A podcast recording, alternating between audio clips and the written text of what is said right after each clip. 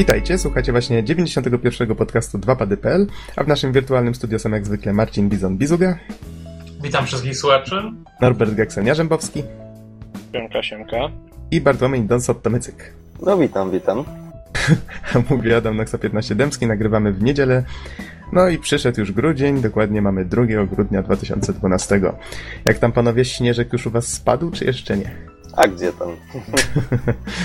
jeszcze No, jesień. u mnie delikatnie padało, powiem wam szczerze, po południu. U mnie nawet sporo. W sensie tam skąd pochodzę, może tak. Winter, hurry up. Ale wiecie co, rozmowy o pogodzie to są jednak nudne, to może przejdźmy od razu do newsów. Ale no przyznajmy się, że nie mamy po prostu o czym mówić dziś. To ja sobie pomyślałem, jakby newsy były ciekawsze. Nie, no przecież dzisiaj mamy jeden olbrzymi temat. Oj tak. Przyznajcie się, o czym Duży. będziecie mówić. Bardzo duży. Wii U. Mhm. Ej, skrzaniłeś, jest. trzeba powiedzieć, że o Wii Mini. A, o tym też można powiedzieć w sumie. Racja, już, już szukam. No widzisz, trzeba było nabrać słuchaczy. To A- było w ale- stylu ale ostatniej też- konferencji Apple, nie? Gdzie wszyscy czekali na iPada Mini, a oni mówią, że zapowiadają nowego Maca Mini. No, Lol. I wszyscy tak... Co jest grane? nie, oczywiście iPad Mini też się pojawił, ale to, to już był dawny temat. Mhm. A właśnie, interesowaliście się handlami, bo zaszaleli. no, Tak, ten tydzień zdecydowanie przyniósł nam chyba najbardziej rewolucyjny produkt, jeżeli chodzi o bundle. E, Humble THQ Bundle po prostu przeszedł sam siebie. E, Don, ty chyba chciałeś coś powiedzieć w tym temacie? Tak, generalnie rzecz biorąc, no, przyzwyczailiśmy się do tego, że Humble zawierają albo mniej znane, albo mniejsze gierki, głównie niezależne. Natomiast ten bundle faktycznie zawiera same wielkie tytuły. Yy, Przede wszystkim Metro 2033, świetny tytuł, który aktualnie teraz przerabiam. Następnie Red Faction Armageddon. No, o, o tej grze wiele nie mogę powiedzieć, bo z Red Faction grałem tylko w jedynkę. Właśnie, Ale to ktoś jest grał w jakąś inną część z was? Bo mi się jedynka podobała dość, dość bardzo, powiem szczerze, cholernie mi się podobała jedynka. System zniszczeń, otoczenia y, robił takie wrażenie w tamtych czasach. To No ja ją, ja ją była naprawdę- wspominam. rewelacyjna gra. Niestety pamiętam, że mi się wyrąbywała w, któr- w którymś momencie i nie mogłem jej skończyć. Mhm. Ale, ale czy wy macie jakieś właśnie wspomnienia z tą serią? Może z jakimiś nowszymi częściami? Ja, Ja miałem bardzo- jedynie jedynkę. Ja miałem jedynką bardzo krótką styczność i wiem też, że kolejne części dość mocno się różniły za każdym razem. Y, Jeszcze ta część przed Armageddon chyba... Killera, czy jakoś tak. Tak, tak, było coś takiego. E, To, to, to ja, była TPP, można było tam chyba rozwalać budynki młotem. Widziałem To- jakieś to ja fragmenty może- gameplayu. to ja może powiem, no bo ja trochę grałem. Mianowicie to była taka gra z trochę na podobieństwo GTA, tak? Taki sandbox. Mhm. Można sobie było biegać, ale faktycznie można było niszczyć te budynki młotem czy innymi materiałami wybuchowymi ewentualnie. To było genialne, bo odbiegałeś sobie do takiego wysokiego, wysokiego komina i tym młotem na przykład niszczyłeś mu kawałek podstawy i ten komin się po prostu, wiecie, przewracał z pełną fizyką Mhm. e, no i się rozpadał na kawałki. To robiło wrażenie. Zresztą inne budynki też można było wtedy niszczyć, w ten sposób niszczyć i to miało duże znaczenie podczas niektórych misji. No bo Czytałem, zamiast zamiast że- zabijać niektórych żołnierzy bezpośrednio, można im było rzucić budynek na głowę. Mhm. Czytałem, że musieli zatrudnić architektów do projektowania budynków, bo jak programiści najpierw napisali sobie cały ten system fizyczny, a potem sami próbowali coś zbudować, to to się zawalało pod własnym ciężarem. Taka ciekawostka. Co tu mamy jeszcze, Don, w tym Humblu? Jest No Darksiders. Y, Tak, Darksiders, też o tej grze często się u nas na podcaście mówi, mimo to dalej nic o niej nie wiem. To Noxu, ty, ty coś o niej powiesz? Pamiętam, że ją Bizon recenzował. No, no, no. To może Bizon? Kurde, to, to jest gra, o której wam wspominałem już dawno i razem z Norbertem, który też grał. Tak, tak. Oboje polecaliśmy ten tytuł, więc kurde, z, to jest po prostu moim zdaniem, jeżeli ktoś nie grał za tą cenę, obowiązek każdego gracza, żeby to w tym momencie ogarnąć, bo tytuł jest zdecydowanie świetny i zdecydowanie jest to jeden z tych tytułów, które trudno zastąpić innym tytułem, jeżeli chodzi o rozgrywkę. Połączenie może- Zeldy ze slasherem, prawda? E, Tak. Zgadza się, ale takie naprawdę porządnie zrobione. I w z pierwszej fajną, części- fajną stylistyczną grafiką. Mhm. W pierwszej części kierujemy wojną, w drugiej części kierujemy śmiercią. Problem jest tylko taki, że z tego co słyszałem, trzecia część prawdopodobnie nigdy nie powstanie, bo nie zwróciły się koszty produkcji dwójki. Widzieliście sami, jaka kampania reklamowa była, właściwie wszędzie ta gra była pokazywana. I choć sprzedano ponoć ponad milion egzemplarzy, to niestety koszty nie zwróciły się. To szkoda, szkoda, ale powiem wam tak, y, był u mnie mm, znajomy, Mhm. mianowicie w czwartek i właśnie przyniósł dwójkę. I przyniósł ją ze śmiesznym problemem, znaczy wcale nie takim śmiesznym tak naprawdę, bo chodzi o to, że gra zawiesza mu się zaraz po włączeniu, ale dopiero w momencie, kiedy ją skończył raz i zaczął przechodzić drugi raz, żeby wiecie, kontynuować w takim tym trybie rozszerzonym, Mhm. i on, wiecie, mówi, kurde, pewnie wina mojej konsoli, nie? Więc przyszedł do mnie, odpalamy i dokładnie ta sama sytuacja. Gra się po prostu zwiesza y, z jakiejś po prostu niewyjaśnionej przyczyny. Więc to, to taka, taka e, przykra rzecz. Nie, nie wiadomo do końca, cze, co jest winą. Może Nie konkretna dlatego, kopia. że ten. Pewnie dlatego, że otworzył na drugim poziomie skrzynkę taką jedną.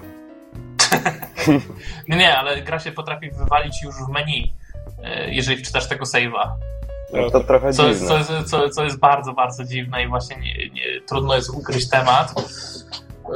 No to a propos tego niezawieszalności konsol, nie? I tak dalej, chociaż no, z tą generacją to już troszkę jest mit, to ta sytuacja jest akurat z tą grą wyjątkowo ciekawa. Mhm, ale szkoda, że twórcy nie dokończą tego pomysłu. Można się tutaj domyśleć oczywiście, że planowali wypuścić każdą część dla każdego jeźdźca apokalipsy, prawda? Tak, tak. No, tak to można było myśleć, chociaż z z tego co wiem, dwójka yy, różni się już sporo od jedynki i Mhm. Jestem ciekaw właśnie w związku z tym, co by zrobili z trójką, no ale no, może jeszcze zobaczymy tą grę. To w końcu y, nie jest jeden z najmniejszych wydawców, tylko całkiem dobrze działająca firma, może sobie pozwolą na kolejną część. No Wiesz, właśnie. ja bym tutaj zwrócił uwagę na jedną rzecz. Jednak sam fakt, że pojawili się w tym bundlu wskazuje na to, że chyba coś jest nie tak, nie uważasz? Właśnie to, to jest fakt. Już jakiś czas temu mówiło się, że firma ma problemy finansowe i ten Humble THQ Bundle, jego główną inicjatywą jest właśnie ratowanie tej firmy. Znaczy wiecie co, w sumie to może macie rację. Yy, Dla przypomnienia, całkiem niedawno na Steamie był identyczny bundle, oczywiście za dużo wyższą kasę, ale też to chyba było za 40 czy dolarów, właśnie pakiet chyba tych samych dokładnie gier na Steamie. Mhm. Ale to może dokończmy już w takim razie, co ten bundle jeszcze zawiera. Mamy tutaj trzy części Company of Heroes i jeszcze, jeżeli zapłaci się powyżej średniej, dostaje się Saints Row the Third. I tutaj średnia w tej chwili wynosi 5,64 dolara. No do tego jeszcze parę soundtracków oczywiście. No to tak jak zawsze akurat. O Company of Bundle Heroes. to jest bardzo fajne. O Company of Heroes mogę dodać od siebie, że to jest taki RTS. yy, dosyć ciekawy. Generalnie całość polega na tym, że, że sterujemy oczywiście jednostkami, czołgami, piechotą. yy, I to jest gra bardzo taktyczna. Co jeszcze przykuwa uwagę, że otoczenie w dużym stopniu lubi się niszczyć. Od y, płotów, słupów po budynki, więc pod koniec pola bitwy jest, jest całkiem ciekawie. Natomiast y, to, co mnie w niej trochę mm, trochę uderzyło, to to, że jest zbyt dynamiczna. Jednostki poruszają się bardzo szybko, co sprawia, że gra, która powinna być czystą taktyką, przemienia się w zręcznościówkę. No ale tu są mm, do dyskusji, że się tak wyrażę. Mhm. Mamy tutaj jeszcze jednego bundla, który z tego co widzę, no podobny okres będzie jeszcze ważny. Tutaj Humble THQ Bundle jeszcze 10 dni od dzisiaj. Z kolei Be Mine 6 Game plus Music Bundle na Groupies on jeszcze 11 dni i 16 godzin.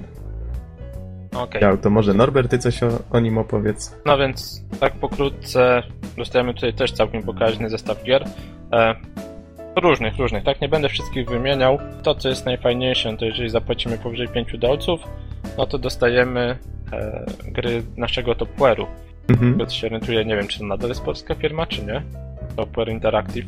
Nadal Studio, polska. studio jest polskie, prawda? No, okej. W każdym razie mamy właśnie Two Worlds, mamy Gorkiego 17, to taki klasyk, ERF 2160, też już gra swoje ma, no ale, ale chyba nadal warto. No i prócz tego Worms Reloaded, tyle z takich bardziej znanych. Do tego jest jeszcze masa mniej znanych gier, no i jak nazwa wskazuje Plus Music i mamy też kilka płyt z muzyką.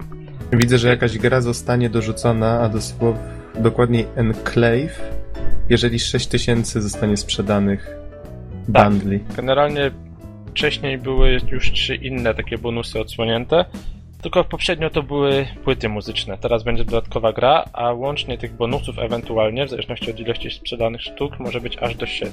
W tej chwili widzę, że 76% zostało osiągniętych tego celu. A więc 4000 już było osiągnięte. Faktycznie jest pokazane, że, że 3 już zostały takie odblokowane bonusy. Mhm, 7 ich będzie. Dobrze, powiedzcie mi, te gry w tym bundlu, bo nie wspomnieliśmy o, o poprzednim bundlu jeszcze jednej istotnej informacji, chyba, Mhm. że coś przegapiłem. Jest to pierwszy bundle, jeżeli chodzi o Humble'a, który działa tylko na Windows i wymaga Steama, bo Humble Bundle przyzwyczajony do tego, że te gry są multiplatformowe. Więc myślę, myślę, że tu trzeba o tym wspomnieć, że jednak na- wystąpiła pewna zmiana. Aha, No zależy a- jeszcze, co się rozumie przez multiplatformowe, prawda? Bo większość No tych tak, gierek nie- nie- indie to chodziła na... Ale, ale nie było takiego bundla, żeby te gry nie chodziły zarówno na Linuxie, jak i na Macu, tak? Wcześniej. Można je było sobie osobno pobrać, niekoniecznie ze Steama. Nie, Mhm. nie było takiego problemu. A tam są tylko klucze na Steama dostajemy. A co z tym drugim bundlem? E, tutaj w zależności od gry. Na przykład Two Worlds jest na Steama, R2160 jest na Steama, ale już Gorki 17 no to jest stara gra, więc no Steama nie ma, mamy tylko wersję do pobrania. Jakaś inna gra, przykładowo Paranormal, tylko na desurze. Więc taki miks.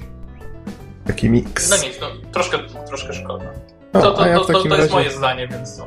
Ale wydaje mi się, że to po prostu wynika no, ze specyfiki tego bundla. Nie wiem, czy te gry mają swoje wersje, powiedzmy, na Maki. Dobra, to przejdźmy dalej. Ja tu mam takie troszeczkę news związany z Indie, z grami Indie, a dokładniej z robieniem gier Indie na czas.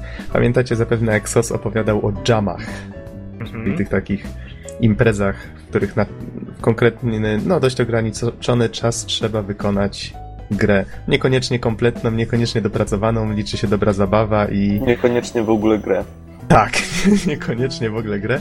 Liczy się to, żeby efekt był czasami nawet zwariowany i, i, i sam fakt, że mamy ograniczenie czasowe czasem rodzi ciekawe pomysły. I organizowany jest Indie Speedrun, o tyle ciekawy, że udało się organizatorom zachęcić do bycia w jury y, Nocza, Rona Gilberta i z tego co widziałem jeszcze wiele innych, mniej lub bardziej znanych osób. Nawet ktoś tam z zespołu tworzącego Journey się znalazł, jak tam przeglądałem. I impreza ma. Jeszcze jest o tyle nietypowa, że odbywa się w całości w sieci. Do 6 stycznia można wziąć w niej udział. Polega to na tym, że wpłacamy 25 dolarów wpisowego i wtedy naciskając przycisk Go mamy 48 godzin na wysłanie gry. Tylko haczyk jest taki, że ona musi mieć tematyka tej gry musi się opierać na słowie kluczowym, które dostajemy w momencie, jak zaczynamy pracę. Nie musi być to słowo kluczowe, czasami może być to dźwięk albo jakiś obrazek, coś, co musimy zawrzeć w grze. W ten sposób to rozwiązano. Ale to I- wiecie, zawsze można, można w jakiś sposób na siłę nawiązać do tego, przygotować się coś wcześniej i No tak, I przerobić, troszkę, troszkę, troszkę, mniejszym troszkę oszukać, tak? Będzie to w mniejszym lub większym stopniu moim zdaniem widać. No, sędziowie też głupi nie są. Ja- sam wiem po sobie, bo też organizowałem tego typu konkursy, więc na, na jednym portalu, więc tak Mhm. to wygląda. Znaczy, Bizon ma rację. Wydaje mi się, że sporo osób będzie próbowało troszeczkę naginać to i przygotowywać sobie pewne rzeczy wcześniej, no ale wiadomo, że to chodzi głównie o zabawę, choć jest nagroda pieniężna, 2,5 tysiąca dolarów można zgarnąć. Mogą brać udział y, grupy do czterech osób, tylko że wtedy oczywiście nagroda jest do podziału.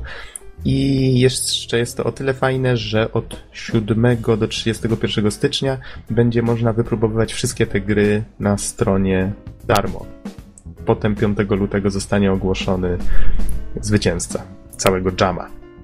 To to tyle. Jeżeli ktoś jest zainteresowany, to adres zamieszczę pod podcastem.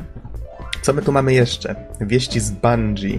To oni tam tworzą teraz, jak się odczepili od Microsoftu, już są niezależni, Halo już nie zaprząta im głowy. Okazało się, no właściwie ponoć wypłynęła ta informacja, że tworzą grę, która się nazywa Destiny. Właściwie nie wiem, czy to ja się słabo wczytałem, ale nie wiem do końca, czym ta gra będzie. Na razie pojawiło się, pojawiła się masa obrazków. No, twórcy, jak zobaczyli, że informacja wypłynęła na jaw, to wtedy już zaczęli je udostępniać. I jest tutaj masa szkiców różnych, jakichś renderów.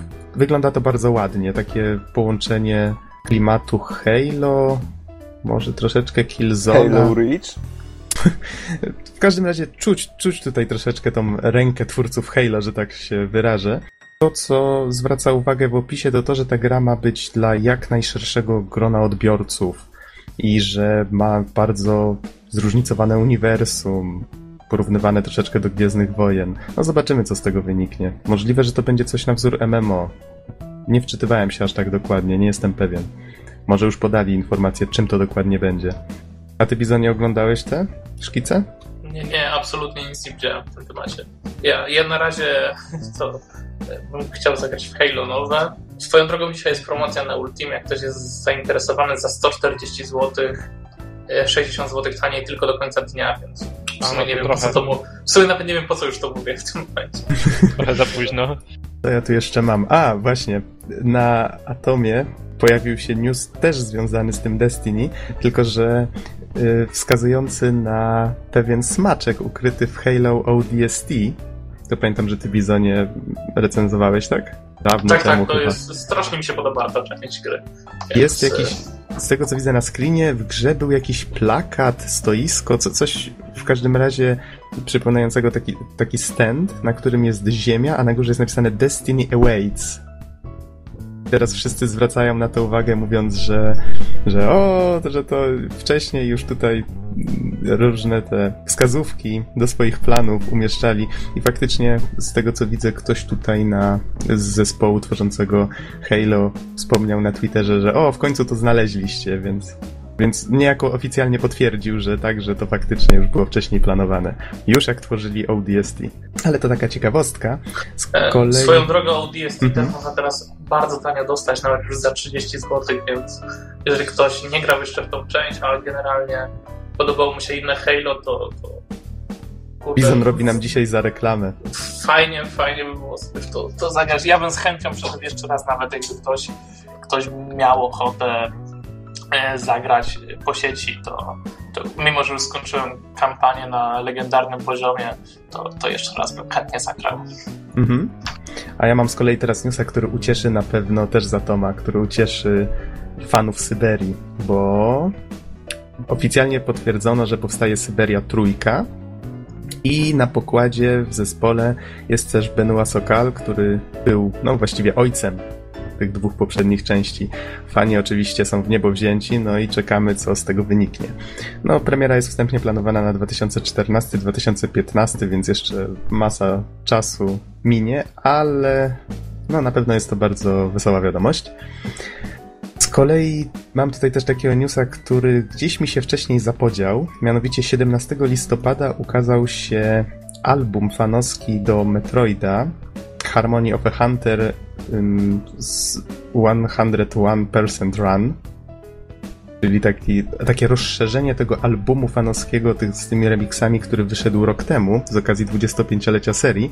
No teraz twórcy twierdzą, że mamy dziesięciolecie podserii Metroid Prime, że to też jest super okazja. W każdym razie wypuścili tym razem nie dwupłytowy, tylko trzypłytowy album, który już zdążyłem przesłuchać. Jest naprawdę fajny. Myślę, że każdy fan będzie z niego zadowolony. Więc to oczywiście trzy płyty darmowej muzyki warto sobie pobrać, jak się lubi te klimaty metroidowe. Jeszcze z takich szybkich newsów. Baldur's Gate y, edycja rozszerzona wyszedł 28 listopada. Ale Noxu, powiedz mi, co tu jeszcze można w Baldur's Gate rozszerzyć? Naprawdę. Wiesz, też się tak zastanawiam. Ja się w ogóle już wcześniej, żeśmy o tym rozmawiali, to się zastanawialiśmy tutaj wspólnie. Tylko Ale to nie jest ta wersja na tablety? To jest ta Też. wersja. Też. Pytanie, czy powinno to się tłumaczyć rozszerzona, czy wersja usprawniona? Mhm. Bo to jest enhanced, tak? Czyli raczej taka usprawniona. Chodzi o to, że wyszła teoretycznie z odświeżoną oprawą graficzną. Pewnie audio też trochę podrasowane. Z tego co widzę, to jest. Znaczy, tutaj może dokończę myśl tą poprzednią. Żeśmy się już wcześniej zastanawiali na podcaście, czy wypada ruszać klasyka. Czyli odgrzebywać tego trupa, no tutaj, że tak się nieładnie wyrażę, i dorabiać mu tam jeszcze jakieś dodatkowe elementy, prawda? Ale z tego co widzę, gra właściwie wygląda tak samo jak stary dobry Baldur, działa jak stary dobry Baldur. No, dodali jakieś nowe lokacje, widać to wyraźnie na, na filmikach. Jakieś nowe postacie też można spotkać. Czytałem, że jest jakiś wątek miłosny dodany, no, ta, taka moda w tej chwili. Ogólnie rzecz biorąc, mam nadzieję, że to jest ta sama dobra gra i że te elementy, które dodali, faktycznie ją urozmaiciły zamiast coś tam psuć. A jeżeli to są jakieś questy poboczne, tak, niezwiązane z główną fabułą, no to ciężko, żeby coś popsuło. Mhm. Z tego co widziałem, jeszcze zmienili intro. Na YouTubie oczywiście posypał się flame, że nowa wersja, która jest rysowana i raczej tak no, troszeczkę słabo animowana, jest dużo gorsza od tej bardzo, bardzo starej, prerenderowanej. I muszę się troszeczkę z tym zgodzić. Faktycznie obejrzałem ją raz jeszcze, odświeżyłem sobie po latach i ta prerenderowana nadal wygląda lepiej niż to, co teraz dodali. No, ale to jest taka, myślę, kwestia raczej, Myślę, raczej że to może poboczna. być kwestia sporna, mianowicie ktoś, jako działają wspomnienia, tak. No może lepiej pamiętać tą starą wersję. tak też może być. A, jako ciekawostkę może dodam, że przynajmniej chodzą takie plotki, że pracują już nad dwójką, tak samo Enhanced Edition i jeżeli jedynka i dwójka dobrze się sprzedadzą, to wyjdzie pełnoprawny sequel Baldur's Gate'a. Mhm.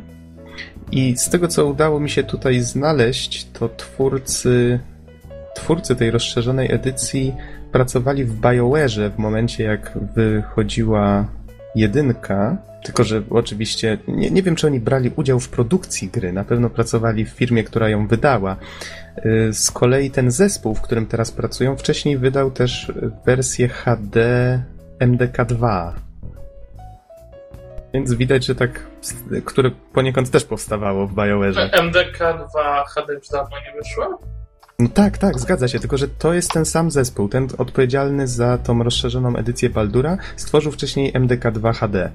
Więc to są A, ludzie, sorry, którzy... sorry. To są ludzie, którzy wcześniej pracowali w BioWare'ze, teraz mają taki zespół, zdobywają te licencje starych hitów i, i starają się je odświeżać. Tak przynajmniej mm, tyle wywnioskowałem w każdym razie. Jeszcze na sekundkę wracając do tej wersji rozszerzonej, z tego co widzę na dole strony, w tej chwili jest dostępna wersja PC, na iPada ma być dostępna w listopadzie, tak samo na Maca.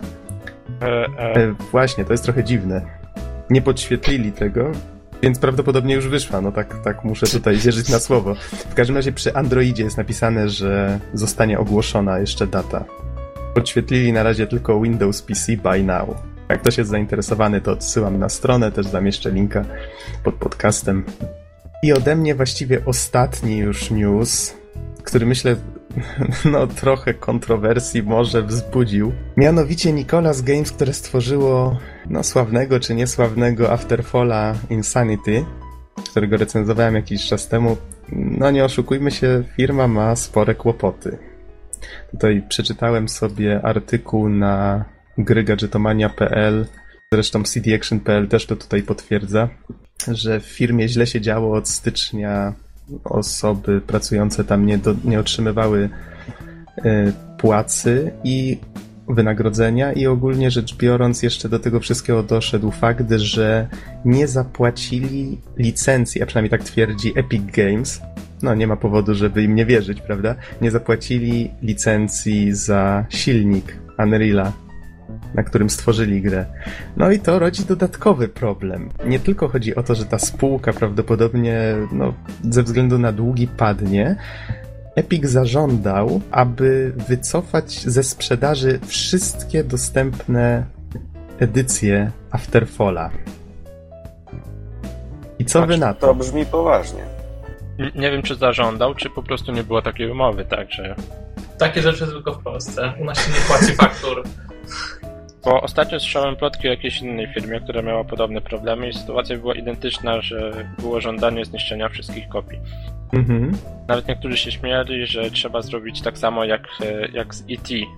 Kojarzycie tą grę, że zostały gdzieś tam podobno, chodzi takie mieć zakopane wszystkie kopie na pustyni i dzisiaj ta gra ma bardzo dużą wartość kolekcjonerską. No i w tym przypadku może być podobnie. W sumie aż nie wiem, czy sobie nie kupię tego Afterfalla, żeby może go kiedyś sprzedać za 10 razy tyle, bo w tym momencie pewnie chodzi po dwie dychy gdzieś na Allegro, życie znając. Ale wiecie co, to jest lepiej ciekawe? Kupuj, łopaty, jedziemy szukać. Jak to możliwe, że E.T., który był ponoć najgorszą grą, jaka kiedykolwiek powstała, stał się poszukiwany, poszukiwanym obiektem kolekcjonerskim? No, No, ze względu na legendę. Dodajmy, że sam Angry Video Game Nerd y, swój film tworzy, no właśnie nakręcił właśnie o tej grze. Tak, wiem, zgadza się. Właśnie też sobie skojarzyłem i widziałem zwiastun już nawet. Widzieliście?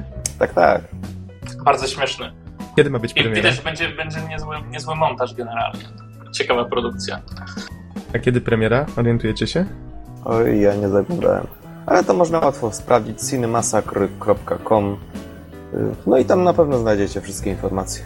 Norbert, coś jeszcze chciałeś dodać tutaj do Nicolas Games? nie, tyle, że już patrzę i chyba zaraz sobie skupię swoją kopię, a później będę ją sprzedawał za ogromne pieniądze. E, no wiesz, gra, no czuć w niej potencjał. Zresztą odsyłam do, o- odsyłam do swojej recenzji. No nie grało mi się znowu tak źle. No, Tylko wady, ty- ty- wady wymieniłem, było ich troszeczkę, ale z Bo ty drugiej grałeś strony... tą wersję poprawioną. Tak, ja grałem w tą wersję poprawioną i tak całe szczęście, że udało im się ją wydać przed tymi wszystkimi problemami, no chociaż jak widać... No, no właśnie, nie pomogło to zbytnio. Tutaj radzę się osobom zainteresowanym wczytać w ten artykuł na grygaczytomania.pl, bo poruszono tutaj mnóstwo kwestii. Autor przeprowadził krótkie wywiady z pracownikami, którzy twierdzą, że już właściwie siedziba tu już nie istnieje, bo od, od dłuższego czasu stoi pusta, że tam już tak posprzedawali wszystkie meble na Allegro dawno temu, że tam i tak to już, wiecie, za długi to im zabierali sprzęt już od dawna. Różne, różne historie, to naprawdę strasznie dziwaczne i treści są tutaj wypisane, no ale wiadomo, że raczej wiarygodne. No ogólnie rzecz biorąc, taka raczej niewesoła historia o tym, jak to Nicolas Game się rozpadało kawałek po kawałku.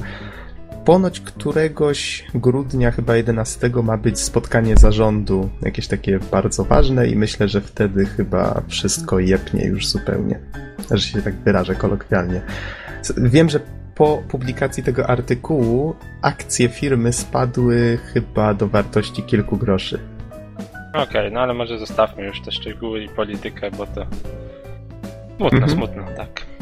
Czy jak y, Nox jak przykupował, znaczy Jezus Norbert, y, tą kopię, to weź też dla mnie, bo skoro inwestycje w złoto się nie opłacają ostatnio, to, to, to może trzeba zaryzykować w tą stronę. To, to, to może w Afterfalla. O, nie, Ja ja, ma- ja, ja tak pół żartem, pół serio, nie wiem, nie wiem, ale może, może za 15 zł widzę. Ja mam swoją kopię mnie, z mnie, CD faktycznie, Action. mnie faktycznie ciekawi, czy, czy po prostu te wszystkie kopie znikną nagle ze sklepów. Myślę, że to jest niewykonalne fizycznie. No bo już raczej no, poszło w świat, no nie zatrzymasz tego. Musieliby teraz wszystkie kopie odkupić albo jakoś wyciągnąć ze sklepu. No dobra, no zostawmy temat, bo to można, wiesz, wałkować, a w sumie nie o to chodzi. Ja jeszcze pod podcast wrzucę zwiastun GTA Vice City zrobiony z okazji dziesięciolecia. Gra trafiła w tej chwili na iOS-a z tej okazji poniekąd. A, i na, na Androida. I widzę, Norbert, że ty masz jeszcze jakiegoś newsa. Tak, to tak. to, o czym żeśmy wspomnieli na początku, czyli Wii Mini. Co to właściwie jest? To jeszcze zanim przejdziemy do, głównej, do głównego tematu, czyli Wii U, no to Nintendo nam zrobiło taką małą niespodziankę i w, tylko w Kanadzie, to warto zaznaczyć, powiedziało e, Wii Mini. Czyli będzie to nowa odsłona Wii o takim bardzo fajnym retro wyglądzie w czarno-czerwonej stylistyce. Jak PS2. Mhm. Z tego co widzę, płytę tutaj się chyba będzie od góry wkładać. PS2 była czerwona, nie była czerwona. Nie, nie, ale ta faktura tej czerni jest chyba taka sama, jak tak patrzę. Nie wiem, to tak wygląda troszeczkę retro. Ja mam takie wrażenie, bardziej nawiązuje chyba do tych starych konsol Nintendo. Mm, Ale to, co jest jakby najważniejsze, tak? Zanim Stare sobie- konsole Nintendo były robione z takiego szarego plastiku. No nawet mam tu na wyciągnięcie ręki jeden. Nie, to Ale, raczej ale, nie to. te, ale też takie chropowate. Tutaj mamy czarny plastik. No ale zostawmy szczegóły. Szary Okej. pewnie było trudno sprzedać teraz. Zanim sobie narobicie takiego, wiecie, ogromnego smaka na to, że kurczę, nowa wersja Wii, w sumie nie mam, nie mam, chciałbym nadrobić, warto zaznaczyć, że w Kanadzie kosztuje tylko 100 dolarów, czyli w przeliczeniu na nasze jakieś 350. No to niestety jeszcze zła informacja, mianowicie Wii Mini nie będzie mogło łączyć się z internetem w żaden sposób. Wszystkie gry po sieci i tak dalej odpadają. Znaczy nie, podobno nie ma Wi-Fi. A To, to znaczy, że Tak. przez kabel ethernetowy też się nie daje połączyć? Na pewno nie ma tylko Wi-Fi, aż zaraz zobaczę. Znaczy, ja, ja czytałem, że nie ma po prostu modułu Wi-Fi i nie ma kompatybilności z grami na GameCube'a. Tak, nie ma kompatybilności z grami na GameCube na pewno. A odnośnie tego już ci mówię, z tego co pamiętam, na oficjalnej stronie Nintendo było, że nie może się w ogóle łączyć z internetem. Cóż to istna głupota. To, to powinien być model dla Chin. Tak, mogę śmiało teraz powiedzieć, jest wprost napisane na oficjalnej stronie The Wii Mini console does not connect to internet or does not support e, the online features. O Boże, ale zajechałem takim rosyjskim, angielskim, no ale dobra. Ej, ale. Gaxen, tak y, dla laika, czym się różni Wii Mini od takiego najzwyklejszego Wii? Znaczy tak, wygląda fajniej moim zdaniem, to tylko opinia, tak można się nie zgodzić, ale za to nie masz połączenia z internetem, więc nie masz też e, sklepu internetowego. Akurat dużo tam nie ma na Wii, ale jednak nie masz tych wszystkich kanałów na Wii, warto to zaznaczyć, mogę sobie sprawdzić pogodę, poczytać wiadomości, tutaj tego nie zrobisz. I nie ma kompatybilności z GameCube'em. Tutaj nie wiem, czy to jest taka tak naprawdę duża wada. Owszem, wiecie, dla niektórych tak, ale Samo Wii ma już 6 lat, więc GameCube ma 12 lat. Coś koło tego, no tutaj nie będę teraz sprawdzał dat. No Jakby to powiedzieć, no to to już nie jest główny rynek, tak? To raczej jest Mhm. już gratka dla kolekcjonerów gry z GameCube'a. Ja Czyli może takie, to myślę, że to jest y, to, to Wii Mini takie socjalne Wii. To jest. jeszcze tak może dodam, bo wspomniałeś, że wsuwa się płytę od góry, ale tak ciężko stwierdzić po tym zdjęciu tak naprawdę, gdzie jest... y, Nie no, jest w prawym do, dolnym rogu takie Przycisk. przycisk. open i pewnie ta klapa się macha, się otwiera i tam płytę wsadzasz. Też nie byłbym taki pewien. Według mnie to działa to na tej samej zasadzie pudełko jest zrobione jak, jak stare Wii, czyli po prostu masz, wiesz, że tak to ujmę, szparę. Nie, nie, na, na żadnych zdjęciach szpary nie widać, ale Nie? nie, nie została konsola pokazana, przynajmniej na tych zdjęciach, gdzie ja widziałem z, od, od wszystkich stron. O, w ten sposób. Mhm. Okej, że czegoś nie dobra. widziałem. Okej, tak tylko sobie tutaj spekuluję po tym jednym zdjęciu, Wszys- bo wszędzie jest pokazane od boku ta konsola, jest tylko on i, i otwieranie tego, wysuwanie płyty. Powiedzmy tak szczerze, tak naprawdę ten model konsoli ma wszystko to, co taki zwykły, na- zwykły najprostszy gracz, tak, Mhm. y, może potrzebować, tak? Szczególnie jeżeli ktoś kupuje taką konsolę dla dzieci, to nawet było tutaj wskazane, że nie ma dostępu do internetu. Mm, Jest to naprawdę ciekawa propozycja, tym bardziej, że kosztuje, no tak jak mówiłem, 99 dolarów, więc cena jest super. Wait, ale dlaczego tylko w Kanadzie? Bo tak. No Nie wiem, Nie, to jest, to jest najtrudniejsze pytanie. Słuchajcie, w takim razie... poddawać wątpliwość logiki Nintendo. No Nie, nie, prze, przepraszam, jak, jakże mogłem zwątpić. Y, Zróbmy płynne przejście. Uhu. Chwila, chwila, a jeżeli to jest O. zamach na Kanadę, W Mm. środku są małe bomby. w środku są małe bomby, dlatego nie zmieścił się moduł Wi-Fi. Nie, nie, Dobre, dobre. nie wiem czemu tylko w Kanadzie, tak serio. Nawet nie wiem kogo się pytać, tak to To jest, kurczę, taki trochę dziwny ruch moim Na, zdaniem. nawet najstarsi górale nie pamiętają. Ale słuchajcie, zróbmy takie płynne przejście. Powiedzcie mi, ile kosztuje Wii U i dlaczego taki Kanadyjczyk mm, bardziej opłacałoby mu się kupić właśnie takie stare Wii, zamiast kupić Wii U, które ma przecież wsteczną kompatybilność. Może nie mają internetu w Kanadzie. Po co im łączy z netem? Ile dolarów kosztuje? E, Już wchodzę na Amazona, no bo to chyba jakby na, najpewniejsze. O, a ja tu zresztą mam jakieś, jakieś E, bazowe ceny. 300 dolarów kosztuje z tego co widzę Wii U. Na, na Wiki Mm. tak jest podane. No, nie do końca. Na Amazonie amerykańskim mm, kosztuje oficjalnej dystrybucji tego Amazonu, z tego co widzę, Mhm. wow, e, 343 dolary, a wersja premium około tak 400-400 z hakiem. No dobrze, czyli rozumiem, Przy- że taki Kanadyjczyk w ten sposób płaci tylko jedną trzecią ceny, żeby sobie, nie wiem, zapoznać się z systemem. To też jest pewnie jakiś rodzaj reklamy. Być może Nintendo stwierdziło, że w Kanadzie sprzedawało się gorzej. No, kto wie. Znaczy płaci 99 dolarów i dziecko płacze, bo chciało Wii U, a, a ojciec się pomylił, kupił Wii. No tak też pewnie wiele, wiele Tak, tragedii się się w domach rozegra, tak? Być może. Ale no już przejdźmy do tego Wii U, to w końcu jest szczęśliwy temat, nie mówmy tu o płaczących dzieciach. No właśnie, ja się cieszę, że kawalerem jestem. No panowie, Okej. Norbert, powiedz, co, co w tym Wii U jest takiego magicznego? No nowy sprzęt ci się w domu pojawił, nowe piękne pudełeczko pod telewizorem. Powiedz jak Mhm. emocje. To może tak zacznijmy od początku, więc najpierw była, wiecie, wielka fama, że w ogóle nie dostanę Wii U na premierę. Tak? dodajmy, że nam też się udzieliła trochę. I co, no i prawda prawdą na premierę nie dostałeś. No, prawda, prawdą nie dostałem na premierę, bo swoją wersję konsoli dostałem już we wtorek, 27, 27, a premiera była? 30. Więc chwilkę wcześniej, no już to nie rozwodźmy się. Nie wiem czemu mózg rozwalony. Okej. No, spoko, spoko. Też byłem zadowolony i bardzo zdziwiony, szczególnie, że tak jak mówię, sporo się mówiło, że e, nie będzie w Polsce w ogóle prawie konsol na premierę. Po Mhm. drugie, że wersja z Zombie U, którą ja zamówiłem, w ogóle nie będzie dostępna i dystrybuowana przez polskiego dystrybutora. No i właśnie wróciłem ze swoją paczuszką, taki szczęśliwy ze sklepu. Otwieram i pierwsze co wypada z pudełka, no to polska instrukcja. Nie. tak, te trzy cegły zamiast konsoli w środku. E, e, pierwsze co, co wypada z pudełka, no to właśnie polska instrukcja z logiem naszego polskiego dystrybutora, więc się nie ukrywam, zdziwiłem, tak? Myślałem, że może konsola będzie jakoś sprowadzana, czy coś od tej z polskiej dystrybucji. Tak samo jak instrukcja druko- dodrukowywana do trylogii Metroida jest ona na y, słabej jakości papierze, raczej niechlujnie i tak dalej, drukiem, Tak, czy przyzwoitej ale- jakości. No zwykły, mały taki formularzyk, nie ma tego dużo, tak? Ale nie jest mi to do szczęścia potrzebne, tak to ujmę. Mhm. E, chodzi mi bardziej o jakby wyjaśnienie tego całego zamieszania z tym, co, co się działo na wszystkich portalach informujących o tym, że w ogóle Wii U nie dostanę w Polsce na premierę i ja nawet już wątpiłem. Okej, więc tak. Pierwsze, co się jakby rzuca w oczy, kiedy rozpakujecie Wii U w wersji czarnej Deluxe, no bo takową posiadam, no to błyszczący kolor konsoli i gamepada.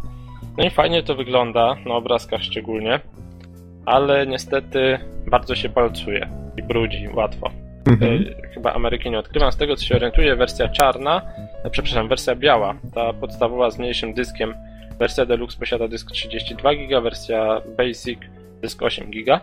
Czyli ta wersja Basic biała nie palcuje się tak bardzo. No i pod tym względem jest jakby fajniejsza, tak? Tylko nie mamy tak dużego dysku. Okej. E, Co tam dalej?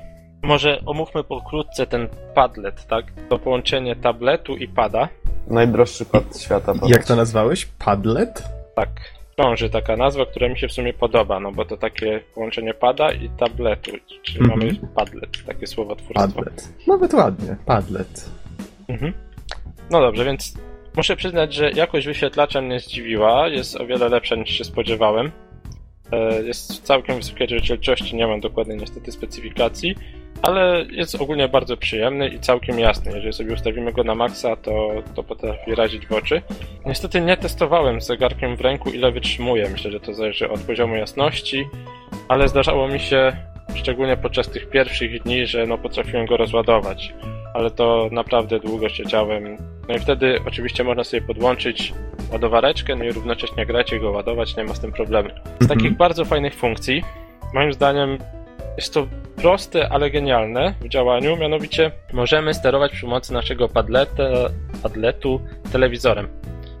Naciskamy taki przycisk TV i możemy zmieniać źródła, czyli przełączać się pomiędzy na przykład telewizją a źródłem z konsoli, a źródłem z naszego komputera, czy co mamy innego podłączonego, do telewizora. Możemy sobie nawet przejść do rozkładówki kanałów, tak dalej, i tak. Możemy podgłaśniać, przyciszać, zmieniać kanały telewizyjne, wszystko przy pomocy tabletu, tak? A jest opcja zamawiania pizzy i toalety? Nie ma, nie ma.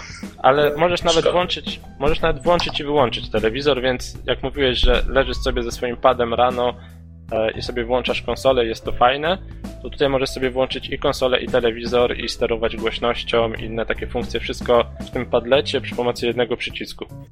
Y, Poczekaj, a to się nie da włączyć sobie przeglądarki internetowej na tym tableciku? Można, można, a, ale to, to za chwilkę jeszcze. Czyli jest opcja zamawiania pizzy, spoko. Tak. A no, na upartego, tak. Okej. Czyli to, to jest fajne i to się sprawdza naprawdę no bo nie musimy szukać dodatkowo pilota, tylko mamy to od razu zintegrowane. Dodatkowo Padlet ma w sobie NFC, czyli e, taką technologię, która umożliwia wymi- wymianę danych zbliżeniowo. Na razie nie mam żadnej gry, nawet nie wiem czy jakakolwiek istnieje, która to wykorzystuje, ale docelowo jest taki pomysł, że tak jak w Skylandersach kładziemy sobie naszą figurkę na specjalnym jakimś tam portalu, tutaj będziemy kłaść sobie jakieś figurki na naszym tym padlecie, no i jakieś dane będą się przenosić do konsoli albo z konsoli na- do tej figurki. Spory popis właśnie dla ewentualnych producentów akcesoriów i zabawek. E, Z innych takich rzeczy generalnie pad leży bardzo wygodnie w dłoni. Pad czy No ten Padlet. padlet, padlet, tak? Różnie to będę nazywał. O padzie będzie jeszcze osobno mowa. E, Standardowo ma dwa analogi, cztery przyciski, start select, po dwa triggery, czy dwa z lewej, dwa z prawej. Ma wbudowaną kamerkę, to też warto zaznaczyć, wbudowany mikrofon, dzięki czemu możecie przeprowadzać nawet wideo rozmowy przy pomocy specjalnej aplikacji wbudowanej w konsolę. Docelowo planują, żeby na razie to nie działa, żeby był tak samo, kiedy gracie sobie po sieci, żebyście mogli z nimi rozmawiać, mówiąc sobie do swojego padleta. Więc... rozmawiasz ze swoim padletem? Mhm. Nie, żartuję, na razie jeszcze nie, ale docelowo je- je- jest taki pomysł. E, Z Okej. innych dobrych rzeczy ma też wejście na słuchawki. O, myślę, że to warto zaznaczyć. Czyli możemy sobie siedzieć na kanapie, podłączyć słuchawki i nie robić hałasu w domu. To jest Hej, to, super. to jest fajny pomysł, świetny, No. naprawdę. Tak, szczególnie. Szczerze mówiąc, chciałbym coś takiego mieć na przykład w PS3, że podłączam sobie słuchawki do pada. Ale by to było fajne. Mhm, Szczególnie, że tak jak niektórzy wiedzą, może nie, w niektóre gry można grać na, na samym tym padlecie, niekoniecznie z telewizorem, tak? Możecie sobie, ktoś może na telewizorze oglądać jakiś program telewizyjny, a wy możecie sobie grać dalej, podłączyć słuchawki, siedzieć sobie gdzieś z boczku i grać swoją ulubioną grę na padlecie tylko. Dobra Mhm. opcja i no i naprawdę fajnie pomyślana. Z tego co pamiętam, dwa takie padlety mogą być podłączone, tak? Jednocześnie? Tak, dwa na raz. W zestawie z Zombiu mamy także drugi pad, tak zwany Classic Controller. No i tutaj nie będzie tak różowo. To Nowi jeszcze specjalnie przed chwilą pokazywałem, jak to wygląda, mianowicie porównując z padem do Xboxa. No Mhm. niestety jest gorzej. No, ale to by było wiadomo, zanim to odpakowałeś. Hej, hej, Nie. hej, przecież to wszyscy wiemy, że DualShock jest najlepszy. A, ale tak serio, serio, nie? Są grzybki zamiast takich fajnych, wklęsłych dołków na analogach. To no niestety skutkuje trochę gorszym trzymaniem, tak? Gorszą kontrolą nad tymi analogami. Dodatkowo same analogi chodzą troszkę bardziej luźno ni- niż w tym padzie Xboxowym. Przyciski są w porządku, tak? Krzyżak oczywiście ciężej, żeby był gorszy od pada do Xboxa. Myślę, że akurat jeżeli chodzi o krzyżak, jest to najlepszy krzyżak, jaki znajdziecie w tych padach obecnie. No Aha. bo jednak ten klasyczny, taki duży, prosty krzyżak od Nintendo się sprawdza po prostu. Ale wiesz, akurat krzyżak w padzie od Xboxa, tym takim klasycznym, to jest e, znany z tego, że jest strasznie lichy. Tak, fa- ale, fan, każdy fan Ale jest, bijatyk. jest wersja poprawiona kontrolera, tak jeszcze. No dlatego powiedziałem wersja podstawowa, każdy fan bijatyk ci to powie. tak, ale myślę, że tutaj akurat ten pad od Wii U może zaorać nawet i krzyżak od PlayStation 3. Tak podejrzewam. No nie wątpię. Nintendo zawsze robiło dobre krzyżaki. Mhm. A, no i teraz triggery. No i tutaj jakby szczególnie widać to, to tą różnicę pomiędzy padami. Triggery w tym padzie od Xboxa, szczególnie te bardziej z tyłu, tak się przyjemnie wciskają. E, W padzie od Wii U, no niestety to tak, takie dość płytkie wciśnięcie, jakby nie ma tego feelingu fajnego. No i nie wiem, czy są stopnie kontroli, tak jak w samochodówkach niektórych, możemy dodawać więcej i mniej gazu. Na Stopień padzie nacisku, tak? Możemy dodawać więcej i mniej gazu w zależności od stopnia nacisku właśnie triggera. Wydaje mi się, że w tym padzie nie da się tego zrobić, że to jest po prostu zero-jedynkowe. Ale mówisz teraz o tym padzie, nie o padlecie, tylko o padzie kontro- Classic Controllerze, tak? Tak, ale w padlecie też nie ma takiej opcji, tylko w padlecie tego jakby tak nie czuć, no bo, bo tam faktycznie nie byłoby miejsca na to. U, tu wiesz, tylko to może trochę przeszkadzać, jeżeli Nintendo faktycznie chce przenosić tytuły, zachęcać twórców do przenoszenia tytułów z PS3 i Xboxa na, na Wii U, to może to sprawiać problemy w niektórych grach. No, pewnie tak. Zgodzę się. Okej, co tam jeszcze z takich spraw hardware'owych? A, no sama konsola. Więc w zestawie dostajemy sensor VARa, czyli Mhm. możemy bez problemu korzystać także z Wiilotów. W niektórych grach to się przydaje, na przykład w Zombie U można spokojnie grać przy pomocy padleta, no i druga osoba przy pomocy właśnie Wiimota plus gruchy. I, I to działa bez problemu. Co tam jeszcze? E, Dostajemy w wersji premium takiego stenda, na którym możemy sobie odłożyć nasz padlet i on się będzie ładował. Dostajemy oczywiście ładowareczkę do padleta, dostajemy zasilacz, e, no i wszystkie niezbędne takie rzeczy związane z podłączeniem konsoli. W tym, to warto zaznaczyć, także kabel HDMI, bo z tego co się orientuję, w żadnej edycji Xboxa ani PlayStation 3 kabla HDMI nie było. Nie W PlayStation tak, nie było w zestawie. To już pamiętam, że sam Satoru Iwata przy ceremonii rozpakowania Wii U wspominał, że to jest standard. To jest dobra opcja, tak? No bo wyjmujecie sobie konsolę z pudełka, no i od razu ją podłączacie. Nie, nie Mhm. przypominacie sobie nagle, o kurczę, nie mam kabla, tak? HDMI i biegniecie gdzieś tam do sklepu po jeszcze kabel, które często są w zabójczych cenach. No to byłby czemu. raczej strzał w stopę, bo przecież Full HD to jest jeden z największych plusów, prawda? I to, co najbardziej odróżnia Wii U od Wii. E, A właśnie, nie wspomniałem jeszcze o jednej rzeczy, mianowicie odnośnie tego padleta ma regulację głośności własnych Mhm. głośniczków, no bo ma własne głośniczki, no i wbudowany stylus. Możemy go sobie chować, tak? Wyjmować w dowolnym momencie. Słyszę, że w tej chwili się nim bawisz. Dokładnie. No bo trzymam sobie w rękach, jak to opowiadam. E, Ja myślę, że mo- moglibyśmy chwilkę pooperać też o Zombie U. No w sumie myślę, że to Ale to- jest to- to- istotna informacja. to może- Mo- jak- Może za sekundkę gry. Może za sekundkę gry skończę technikalia. Jest jedna Dokładnie. rzecz, która mnie bardzo interesuje. Chodzi mi o wsteczną kompatybilność z grami z Wii. mhm. I teraz jest pytanie, czy konsola automatycznie podbija rozdzielczość. Powiem ci, że nie, nie testowałem, jeszcze nie uruchamiałem żadnej gry z Wii, tak szczerze, ale słyszałem, że obraz jest albo taki sam, albo lepszy w zależności od tego, czym przesyłałeś go z- Wii, tak? Tutaj przesyłasz po HDMI, więc jakby nadawana rozdzielczość jest no 1080p, ale gry same z Wii no, działają w tej 480, czy no niektóre może w trochę wyższej. Krótko mówiąc, nie ma żadnej super technologii, która sprawi, że nagle gra z Wii będzie wyglądać jak next gen. Możesz uzyskać tyle, co na technologii przesyłu pomiędzy konsolą a telewizorem. Czyli, czyli tutaj się nie pokusili o, o żadne taką, takie rozwiązanie software'owe, tak, które podbijało rozdzielczość. Nie, nie.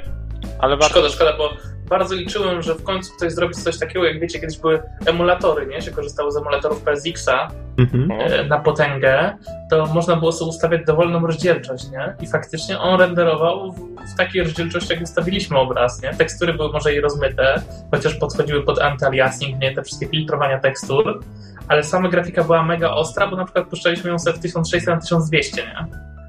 I, I właśnie się zastanawiałem, czy, czy może ktoś się pokusił w końcu o takie rozwiązanie, bo w końcu to jest pierwsze przejście Nintendo e, na wyższą rozdzielczość.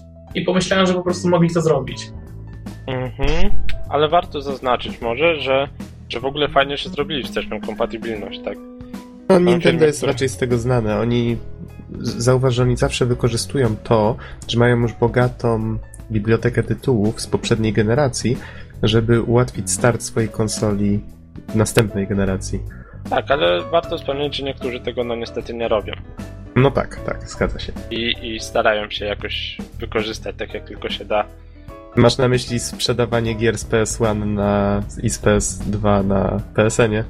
Albo wyłączenie w pewnym momencie sprzedawania PS3 bez wstecznej kompatybilności z dwójką. Oj tak, to jest czarna karta historii. Tak. To, to, to nie jest fajne z punktu widzenia gracza, tak to ujmijmy, nie? Zgodzę się.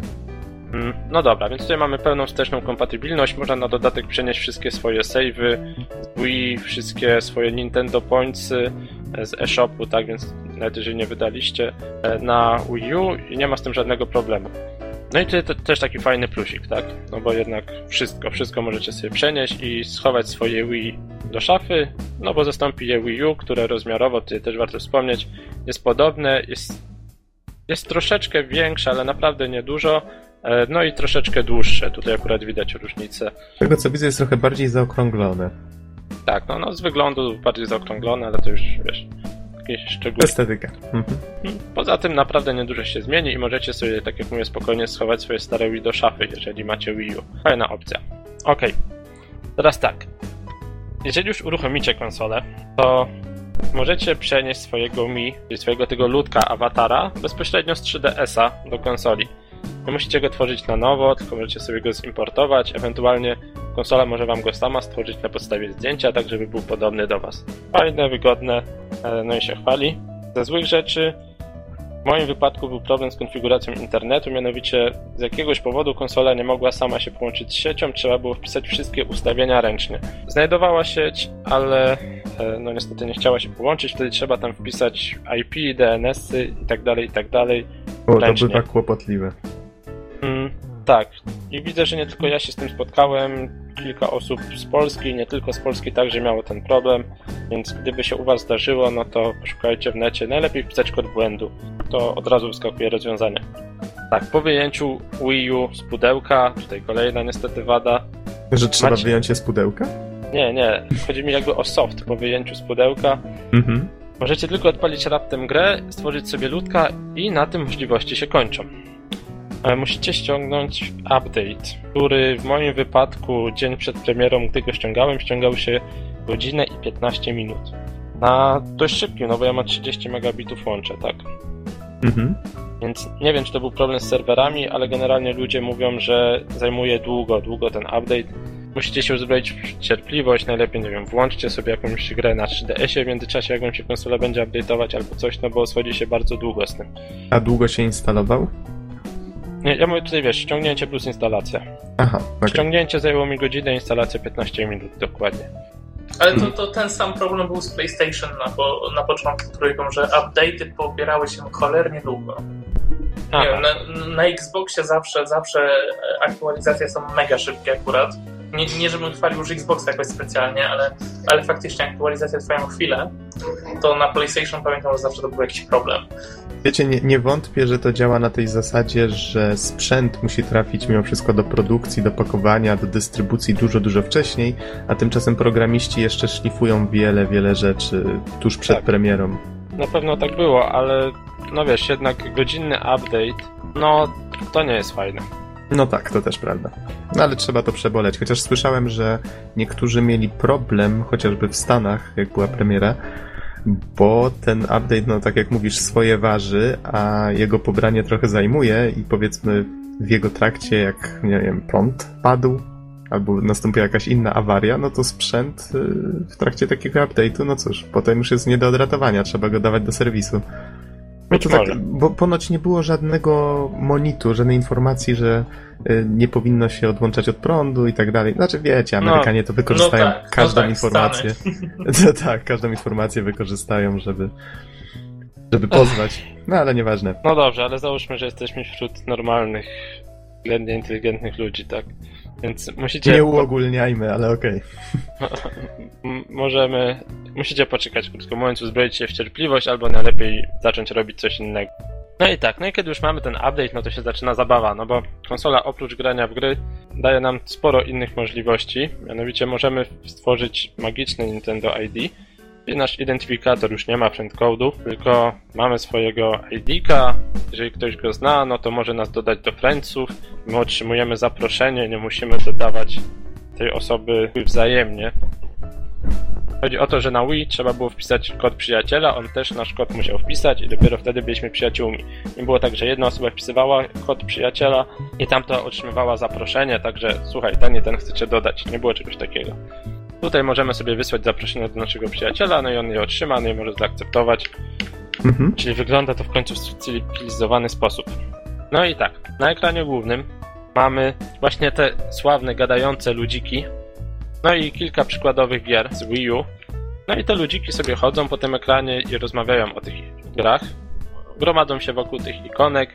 No i może nie tylko rozmawiają, to warto wspomnieć, ale też ludzie sporo rysują. No bo przy pomocy Padleta możemy rysować. No i zamieszczają właśnie komentarze w formie rysunkowej, jakieś takie fanarty. Naprawdę czasem fajne, nie wiem, Don może coś doda, bo widział trochę tych fanartów. Aż się tak boję zapytać, No, były tam jakieś nieprzyzwoite rzeczy, czy to jest Nie, to moderowane? wszystko jest moderowane. Okej. Nie ma takiej opcji. tak, podobnie spoilery. Jeżeli zamieszczasz post i wiesz, że jest, czy jest tam spoiler, to możesz zaznaczyć takiego checkboxika Ale jeżeli nie zaznaczysz, tak zamieścisz ze spoilerem, no to inni mogą zaznaczyć, że jest tam spoiler. No i dodatkowo działa cały czas e, moderacja, tak? Więc administratorzy tam jacyś siedzą i to przeglądają. No to już żeśmy o tym rozmawiali, mi się wydaje, że to automatyka załatwia, bo nie wierzę, że ma się aż taką armię ludzi, no ale to już zostawmy. Ale Plus społeczność, ale często Mhm. rysujesz, więc nie ma z tym. Więc Aha, ciężko byłoby, rozumiem. żeby automatyka to rozpoznała. Okej, Okej. rozumiem. Mhm. Mm, Właśnie Wracając a do... propos automatyki, dzisiaj pojawił się taki news z Facebooka, że, e, że Facebook ma teraz automatyczny system wykrywania pornografii w zdjęciach. I, i Wow. było zdjęcie babeczki, która siedzi, wiecie, w wannie i ma łokcie tak, że, że końcówki łokci ma takie trochę czerwone. I że to zdjęcie zostało, wiecie, zbanowane, nie? No, i, i, jakaś afera o to, jak zwykle. Syndrom czerwonego łokcia to jest niedopuszczalne. Ale E. okej, przejdźmy do Nintendo. Dobra. E, t- teraz tak.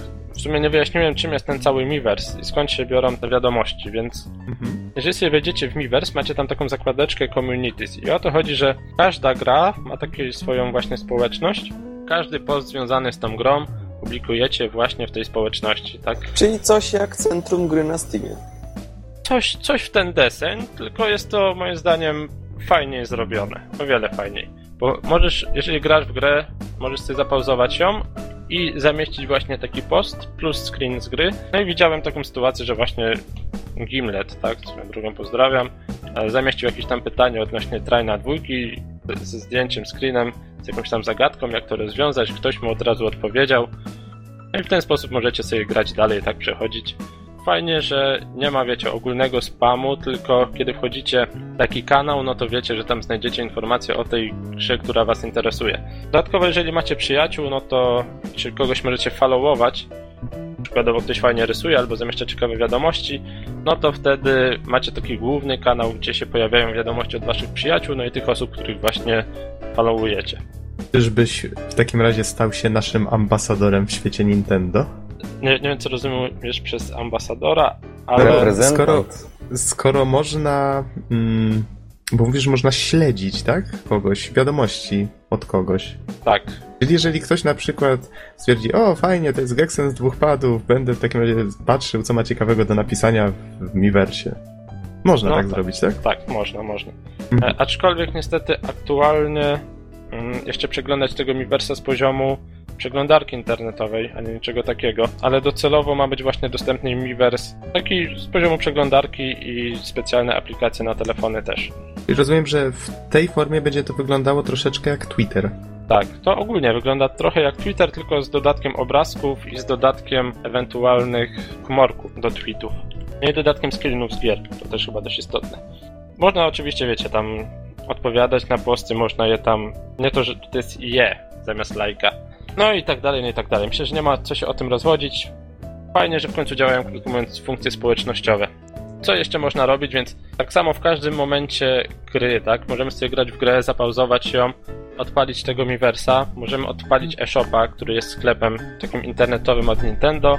Bez problemu można kupić większość tytułów. Tylko ceny są moim zdaniem mało przystępne, no bo w zależności od tytułu to jest od 200 do 250 zł za takie pełne gry, za trajna 60 chyba złotych, o ile mnie pamięć nie myli. Chciałbym odpalić i zobaczyć dokładnie, tak? Więc No te gry, wiadomo, na, na innych platformach, na przykład na Steamie kosztują już grosze, tak? tak, tak. I Jest duża, duża różnica. Ale myślę, że nie ma co ze Steamem porównywać. Szczególnie, że wiesz, że to jest taki start konsoli, gdzie musiały być gotowe gry. O, zaraz zobaczę, ile Mario kosztuje swoją drogą. Ale Mario chyba 250. Myślę, że można taniej dostać spokojnie w sklepie. Tak, Mario 250 zł.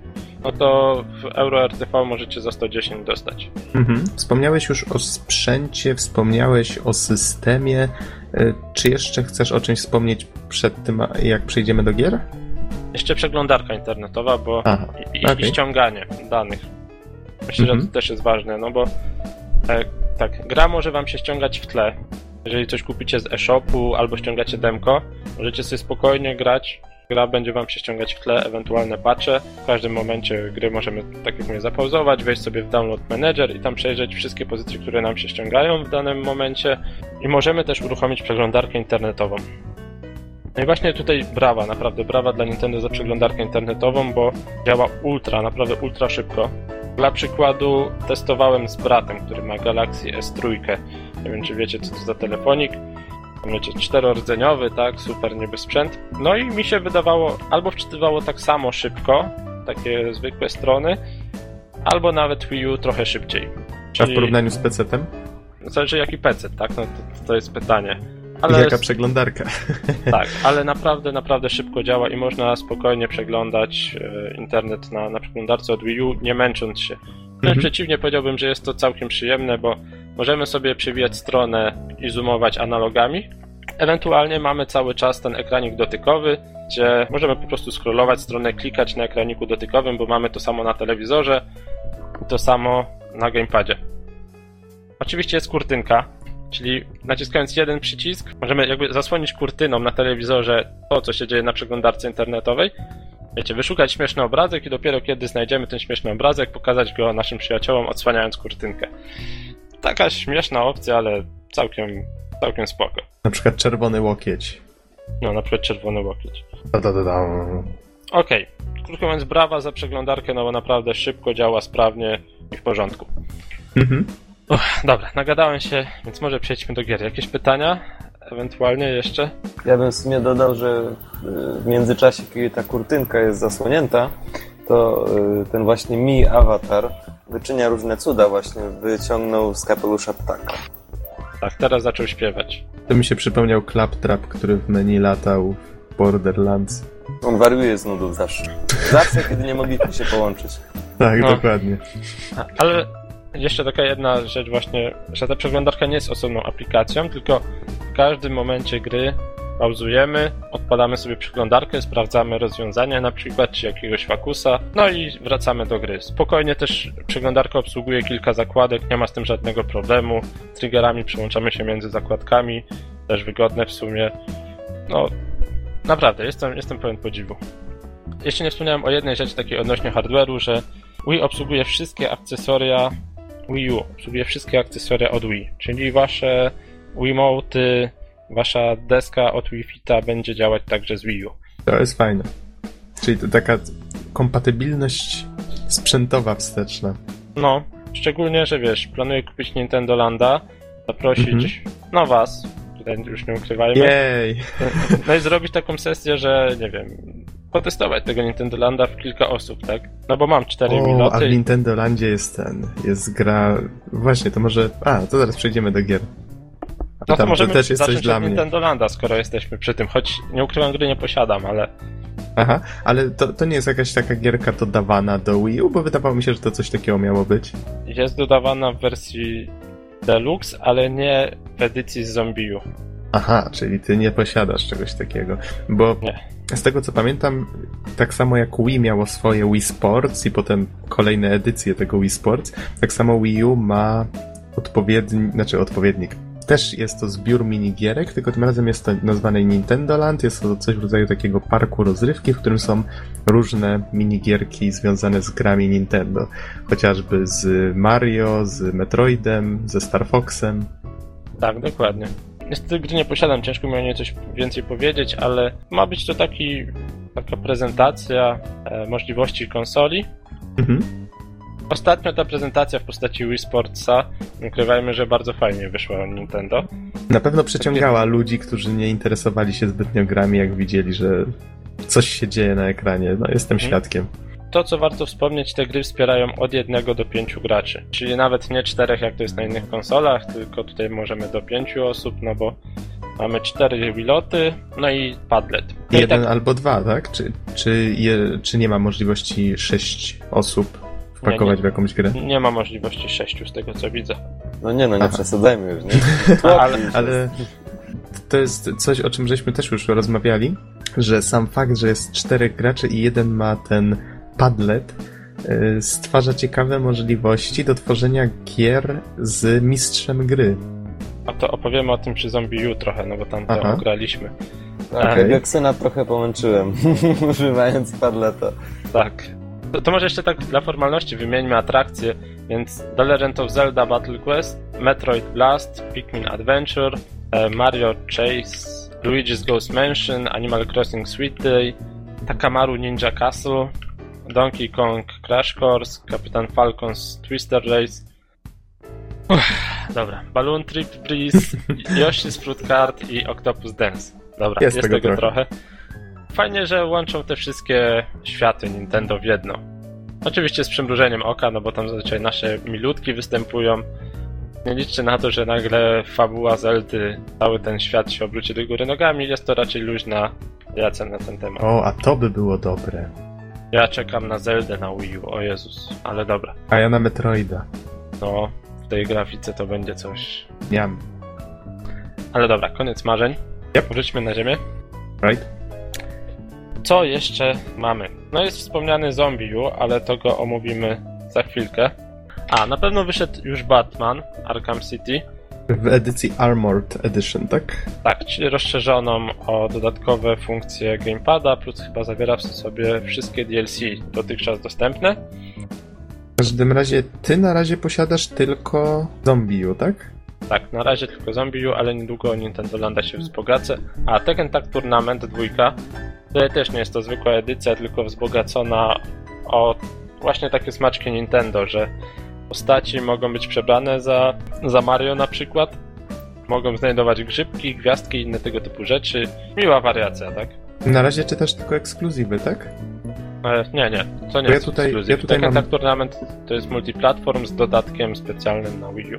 Mhm. Bo ja tutaj mam, znalazłem już listę gier i mogę przeczytać ekskluzywy. Mhm.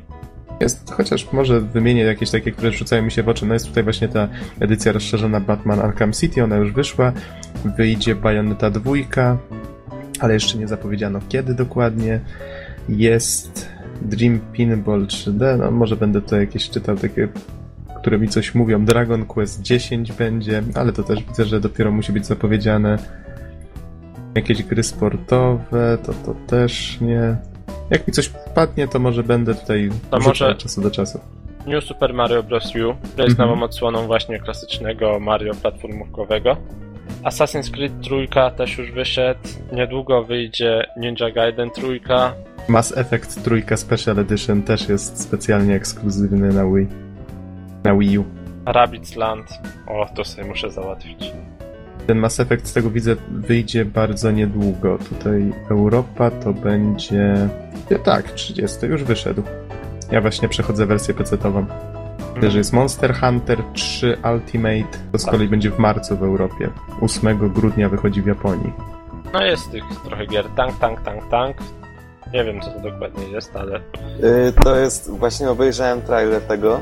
Jest taka całkiem ciekawa gra, każdy z graczy steruje czołgiem. Y, No i w różnych trybach. Przeciwko sobie drużyny po dwa, było czy też czterech przeciwko smokowi. Na takie Pegasusie? różne. Y, W komentarzach czytałem, że po prostu jeden, jedna osoba stwierdziła, że to jest właśnie gra, którą bardzo chciał. Gra o losowym zniszczeniu. No dobra, nie wiem czy jest jakby sens się rozwodzić nad line-upem, no bo ekskluzywów nie ma na razie dużo. Rayman Legends jeszcze z takich godnych zaznaczenia. No i to, co wspomniałeś, czyli ten Tekken Tag Tournament 2. Mhm. To też jest, myślę, warty podkreślenia ekskluzyw. Znaczy w E. tej, w edycji, w tej edycji Wii U, bo ona posiada dodatkowe opcje, których nie ma na wersjach na inne konsole. Ale tak naprawdę ci, każda gra dzięki temu padletowi może sporo zyskać. Grałem przykładowo Mhm. w demko FIFA 2013. No i oprócz tego, że możesz kliknąć w miejsce, gdzie dany gracz ma strzelić, czy strzelać karne przy pomocy celowania e, żyroskopem, czyli podnosimy padlet, no i tak celujemy jakby patrząc przez to okienko na ekranie tego padletu, to w FIFA dodatkowo mamy kilka zakładek, gdzie możemy się przełączać. Na przykład w czasie meczu, nie pauzując, możemy dokonać zmiany zawodników. Także na przykład ten schodzi, ten wchodzi na boisko. Możemy zmieniać formację. Kurczę, nie pamiętam teraz, ale jest sporo tych opcji. Tych zakładek było około 5 albo 6, tak? I taktyki Mhm. gracze. Dodatkowo, jeżeli gra się w kilku graczy, nie pamiętam ile maksymalnie gra obsługuje, ale powiedzmy przykładowo czterech gra na padach, a piąty jest menedżerem drużyny. Czyli właśnie ustala taktyki, każe przemieszczać się jakimś tam poszczególnym graczom w podane pozycje, patrząc na wszystko od góry, tak? I jako taki menedżer pomaga reszcie osiągnąć sukces. A to może być ciekawe właśnie na dwóch y, padletach. czy gamepadach, tak. No, to też dobra opcja. No i wiadomo, że jeszcze są. Chodzi mi o to, że reszta może grać na, na zwykłych gamepadach, Mhm. pro kontrolerach jako gracze, a ten jeden jest menedżerem. Właśnie, czy to działa w ten sposób, że jeżeli dwie osoby mają e, padlety, to wtedy mogą grać tylko trzy osoby na Willotach, czy wtedy nikt nie może grać na Willocie?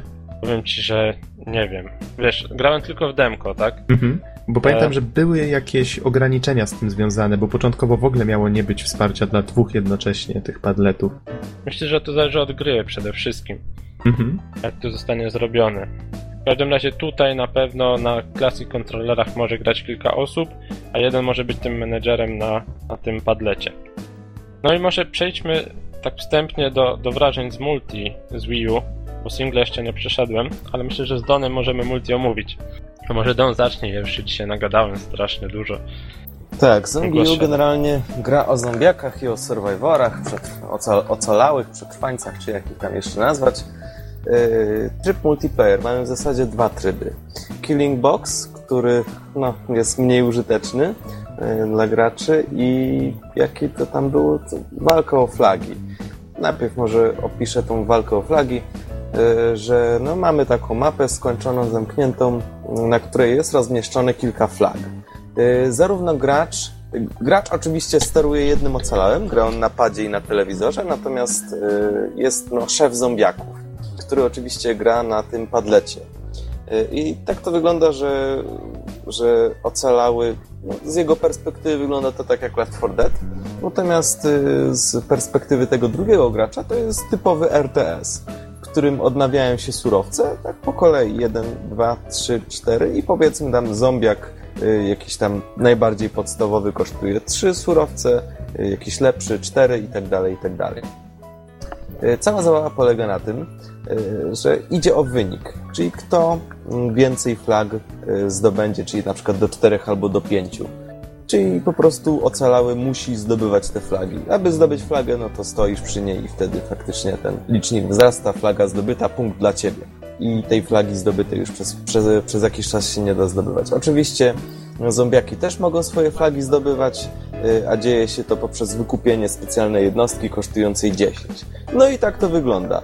Walka o te punkty. No i całość polega na tym, że, że o ile właśnie ten ocalały musi biegać po całej mapie, strzelać do zombiaków, rozkładać wieżyczki, tyle y, gracz przed padletem myślę, że ma o wiele ciekawsze i bardziej relaksujące zadanie, bo w zasadzie jego rola polega na tym, że postawię na przykład zombiaki tu, tu, tu i tu i zobaczymy, jak ta ikonka zielona gracza sobie z tym poradzi. Także jest to całkiem ciekawe. Y, Ja z Geksenem doszliśmy do wniosku, że to przypomina takie. Tak wpuścisz zwierzątko do akwarium y, i. No i sprawdzasz reakcję. Dosłownie tak to wygląda. Y, Natomiast my doszliśmy też do pewnego wniosku, że, że jednak mimo wszystko ten szef zombiaków jest troszeczkę zbyt potężny, dlatego że on leveluje.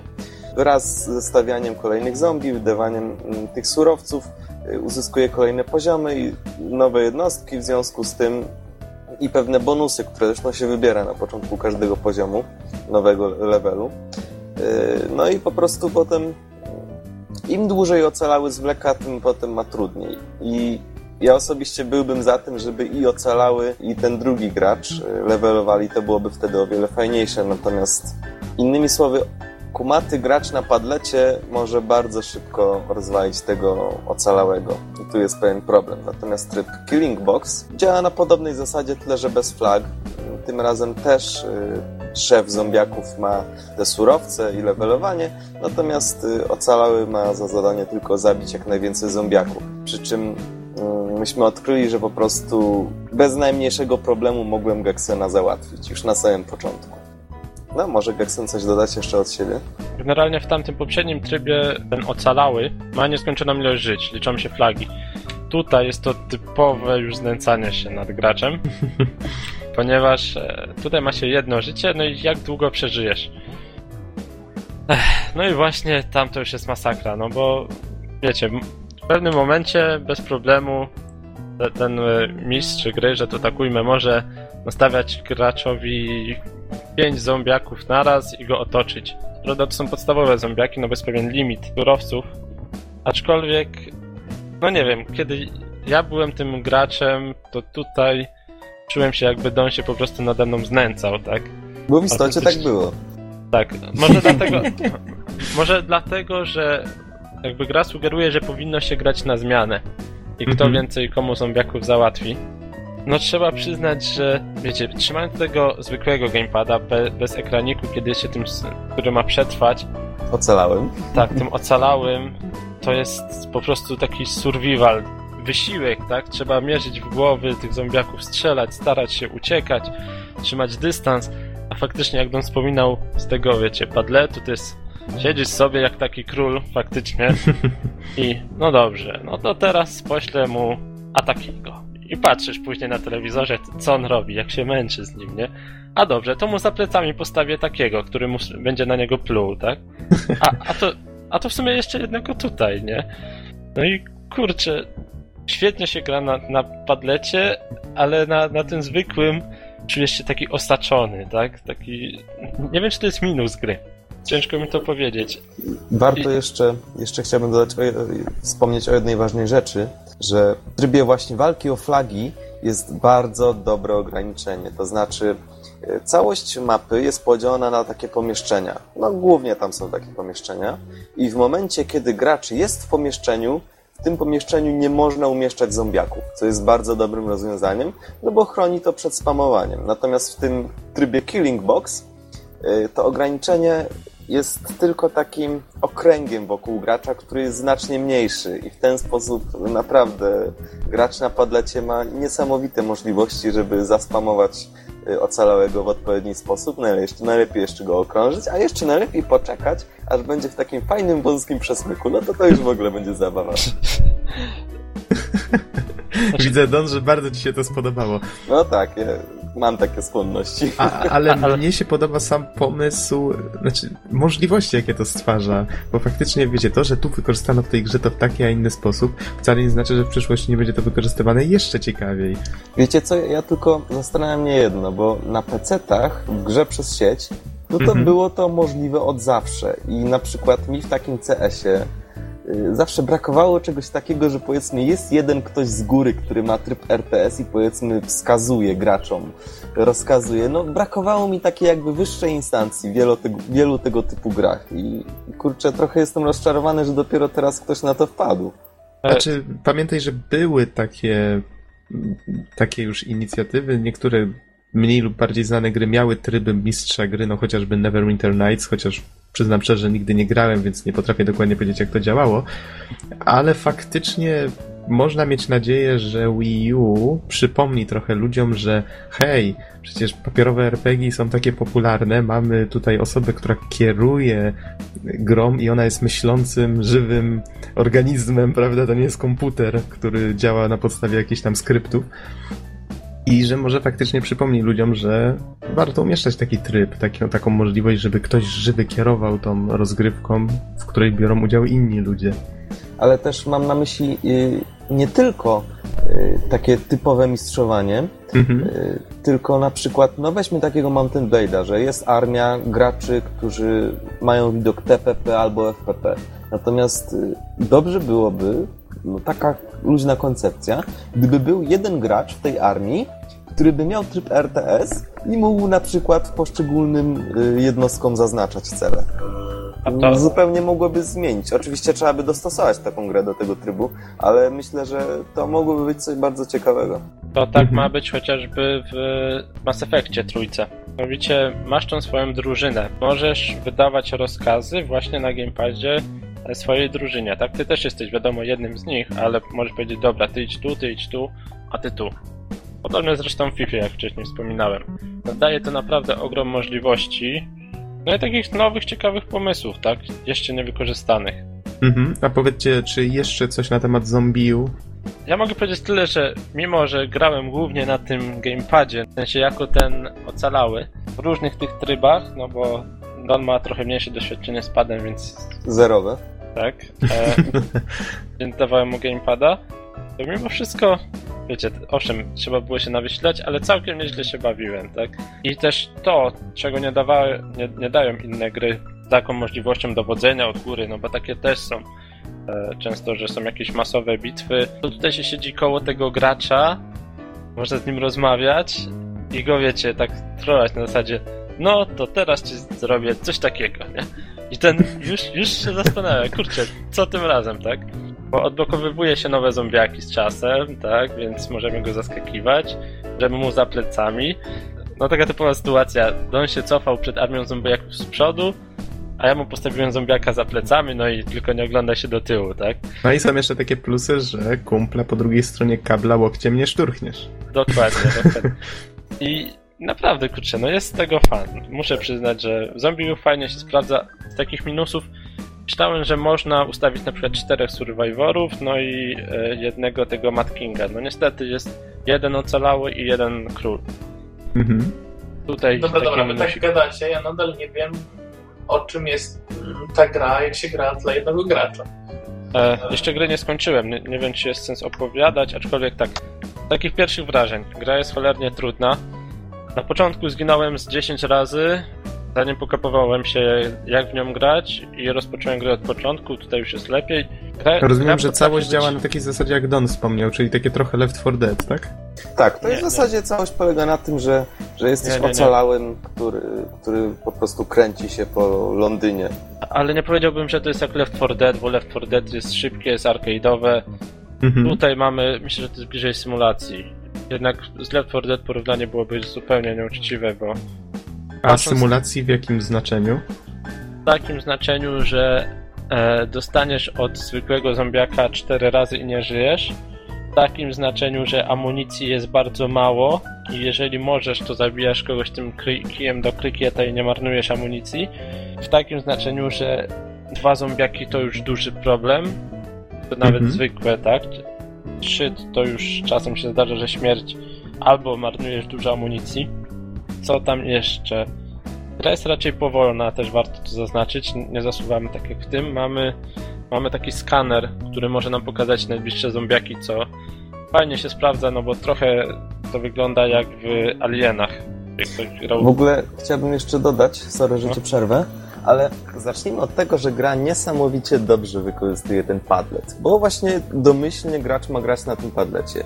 I na przykład to, co Gaxen wspomniał. Gracz, y, postać ma skaner, który wygląda dokładnie jak padlet. I teraz taka fajna rzecz. Możemy zeskanować obszar.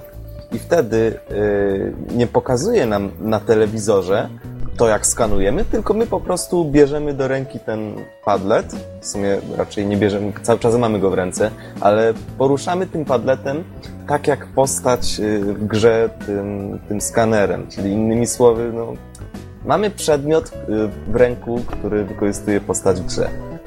I rozumiem, że my widzimy na ekranie padletu to, co postać widzi na swoim skanerze. Tak, dokładnie. Czyli mamy tutaj jakby taką immersję, no, na zupełnie innym poziomie. No, taka ciekawostka, że zaraz kiedy ta postać podnosi, no bo też podnosi właśnie taki całkiem podobny sprzęcik tam na początku, Mhm. E, No i nadaje do nas taki prepper, taka postać, nasz głos w mikrofonie. Tą drogą, co innego słyszymy z telewizora, co innego słyszymy z tego padletu, bo, bo głos właśnie tego prepera, który nadaje do nas przez ten grze, przez ten padlet, słyszymy właśnie w padlecie, tak? Wszystkie Czyli tak inne odgłosy. Czyli tak jakby on nam mówił przez słuchawki w grze. Postać chyba bodajże ma jakiś komunikator ze sobą. To tak No, właśnie samo ten- na Wii był horror, w którym postać miała ze sobą telefon. I od czasu do czasu nasz Willot, a przypomnę, on też miał głośnik, wydawał z siebie, wiecie, że dryn, dryn, coś dzwoni. Jak się go przykładało do ucha i odbierało, no to wtedy tam się słyszało jakąś wiadomość. Nie grałem w to jeszcze, ale muszę kiedyś zobaczyć, jak się ta gra nazywała, bo też nie pamiętam. Jeszcze wracając do tego y, głosu z padleta, Mhm. właśnie ta postać mówi do nas przez ten komunikator, przez jakieś radio y, i to wszystko jest tak, jak Gaxen powiedział, odtwarzane w padlecie. I to tak działa immersja, że w pewnym momencie y, ta postać mówi do nas, y, akurat ja grałem wtedy, po swojej prawej stronie powinien, y, powinieneś widzieć dwa pudełka. Ja tak odpowiadam, no widzę. Ale ja miałem tą samą sytuację. Zaraz na początku je- jest takie, wiecie, takie wow, ja naprawdę, naprawdę jestem tą postacią. Także on coś podnosi, trzyma w dłoniach taki sprzęt i my mamy taki sam sprzęt, tak. E, fajnie się to sprawdza. Natomiast E, też tak. Padlet y, wykorzystywany jest w wielu innych minigierkach, na przykład jakieś otworzyć y, wejście do kanalizacji, no to wtedy musimy tapnąć Padlet, tam też nam się jakby otw- no Padlet wyświetla obrazek tej, tej, tego, no, jak to nazwać, y, no wiecie, tego okrągłego, co jest na ulicach włazu do kanału, albo na przykład wbić jakiś kod, to również na Padlecie jest wyświetlane i na Padlecie wbijamy ten kod, także naprawdę jest dużo fajnych rzeczy i, i faktycznie ten, ten kontroler jest wykorzystywany. Ja do dzisiaj pamiętam, jak twój tata Norbert patrzył na nas dziwnie, jak żeśmy grali w jakąś taką gierkę, gdzie trzeba było przetrwać na bezludnej wyspie na DS-ie i żeśmy ten rozpalali ognisko. Najpierw kręć, kręć, kręć, dmuchaj, dmuchaj, dmuchaj, kręć, kręć, kręć. Wydaje mi się, że teraz z tym z Wii U e, no cóż, nasi bliscy będą mieli jeszcze wiele różnych dziwnych okazji do patrzenia na nas, no wiesz, podejrzliwie. Tak, tylko mój tata zaczął grać w gry, w Angry Birdsy gra czasem, więc wiesz... Angry Birdsy stały się strasznie mainstreamowe. Ty. Dobra, a wracając do tego, jakie jest jeszcze Zombie U. Więc tak, po pierwsze, kiedy grzebiemy w plecaku na, na padlecie, nasza postać jakby ma ograniczone pole widzenia na głównym telewizorze, więc chodzimy zawsze z przygotowanym sprzętem. W moim przypadku ja chodzę zawsze z dubeltówką, tak jak mówię, bardzo łatwo jest zginąć, więc trzeba być cały czas przygotowanym na zasadzkę. Owszem, mamy ten skaner, aczkolwiek niektóre zombiaki budzą się dopiero w pewnym momencie, część ich nie widać na skanerze, albo zaskakują na nas z góry i z innych poziomów też ich nie wyłapujemy, kiedy są wyżej i niżej. Więc cały czas chodzę z dubeltówką, tak? Gdyby coś nam nie wyskoczyło. Dodatkowo mamy kilka takich przycisków, takich pól szybkiego dostępu. Tam zawsze mam apteczkę, drugą broń, e, kij do krykieta i jakiś granat. Chodzi o to, cały czas jestem przygotowany, no bo tam autentycznie tak trzeba. Nieprzygotowana akcja, od razu śmierć. No i kiedy już coś na mnie wyskoczy, no to w zależności, jeżeli to jest jeden zombiak, wyciągam kij do krykieta, żeby oszczędzić amunicję, jeżeli jest ich dużo, wystrzeliwuję dwa naboje z dubeltówki, wyciągam inną broń, strzelam tam w zależności od tego, no i ostatniego wykańczam kryjem, kijem do krykieta, żeby oszczędzać amunicję, tak. Jeżeli w międzyczasie oberwę coś, od razu prawie się leczę, żeby nie zginąć. Bo trzeba tam bardzo ostrożnie i powoli. Cały czas wypatrujemy, skąd może przyjść zasadzka, gdzie są zombiaki. Nawet walka z pojedynczym zombiakiem potrafi wstrzymać nam dech w piersiach, no bo po prostu gra jest trudna, kara za śmierć jest wysoka, no bo tracimy cały sprzęt. Możemy później odnaleźć. Wyobraziłem sobie, że Pat Pat urywa nam rękę. Nie, nie, e, tak, tracimy. To jest trochę. bym to porównał do Minecrafta. Mhm. Mianowicie Albo do Dark Souls, taki sam mechanizm. Mo, może i tak, może i tak w sumie, że jest wysoka cena za śmierć, tylko akurat Dark Soulsa nie grałem. Wiecie, niby, niby nie był jakiś straszny Minecraft, ale kiedy chodziliśmy po ciemku w tych kopalniach, to trzymało nas takie napięcie, że w każdej chwili coś może na nas wyskoczyć. Tutaj jest to napięcie większe, no bo jest moim zdaniem łatwiej zginąć i tych zombiaków może być jakby więcej, łatwiej jest im, im nas zaskoczyć. I jeżeli Mhm. zginiemy, to tracimy cały sprzęt, ale widzimy się jako inny ocalały. Możemy odnaleźć naszego tego starego ocalałego i go zabić, odzyskując ten sprzęt, tak? Ale jeżeli zginiemy znowu, wszystko przepada. Właśnie trochę jak w Dark Soulsach pod tym O, no względem. proszę. Dodatkowo, A są jakieś poziomy trudności? Tak, są trzy. Chicken, czyli łatwy. Normal, Okej. który jest trudny. Normal jest już trudny, łamany przez bardzo trudny i musicie autentycznie, tak jak mówię, cały czas się przygotowywać, nastawiać, szukać pułapek. Jeszcze jest hardcore. Nie Dla wiem, Noxa. hardcore to mamy jedno życie. Jeżeli zginiemy raz, koniec. No dobrze, aż tak hardkorowy nie jestem. Tak, no i jeżeli zginiemy, no to odradzamy się jako nowy, możemy zabić e, naszego starego, odzyskać sprzęt albo stracić wszystko. Dodatkowo, jeżeli jakiś nasz znajomy zginie, zostanie zainfekowany, którego mamy fre- we Friendsach, Mhm. to otrzymujemy o tym powiadomienie. Możemy go odnaleźć, zabić i odzyskać jego sprzęt. No bo nie zapominajmy, że każdy ocalały, to- który zginie, zamienia się w zombiaka. Czyli to Tak. faktycznie jest troszeczkę wzorowanie się na takich mechanizmach Dark Souls. Nie, nie mówię, że to jest konkretna kopia, ale chodzi mi tutaj o sam fakt takiego mieszania single z multi w taki dość nietypowy sposób. Mhm. Fajnie to brzmi. Dodatkowo możemy zostawiać właśnie komunikaty sprayem na ścianach. Okej. Tylko jest pewien zestaw przygotowanych takich, wiecie, przygotowanych schematów, to znaczy Kilka wzorów. fraz, kilka fraz, z Nie, nie, których tu możemy... tutaj, są, tutaj są akurat wzory. Strzałka w prawo i znaczek zombiaka, tak na przykład. Aha, E, Okej. No i dajemy strzałkę w prawo i na przykład ikonkę skarbu, no i w ten sposób oznaczamy, ale tutaj można oznaczać tylko negatywne, tak? W zasadzie klikam i to oznacza, że nie ufajcie tej wskazówce. E, więc w sumie tyle. Choć szczerze mówiąc, ja zawsze chodzę na 100% taki nastawiony, że coś nas zaatakuje, więc e, co najwyżej można komuś wskazać jakąś ukrytą skrzynię albo miejsce, gdzie, gdzie można odnaleźć mapę czy coś takiego. w Dark I- Souls wykształciła się cała kultura takich podpowiedzi. I, i nawet, wiesz, A. wyrażenia, których się używa, żeby, nie wiem, zrobić komuś dowcip albo... e, Albo żeby się ucieszyć z czegoś. No ogólnie rzecz biorąc jest to takie dość specyficzny, taki się wytworzył, takie małe środowisko, że tak to ujmę. Mhm. Wiecie E, co, a propos trzymania w napięciu, to ja właśnie sobie przypomniałem, jak, y, jak w Killing Floor specjalnie przez dwie minuty nie wstawiałem żadnego zombiaka i, i spoglądałem, jak Gaxen chodzi na tej mapie, rozgląda się cały czas z gotowości, a to nic. No dobrze, panowie, y, bo już trochę czasu minęło, powinniśmy już kończyć, więc powiedzcie w takim bądź razie, czy jeszcze o czymś nie wspomnieliście ważnym?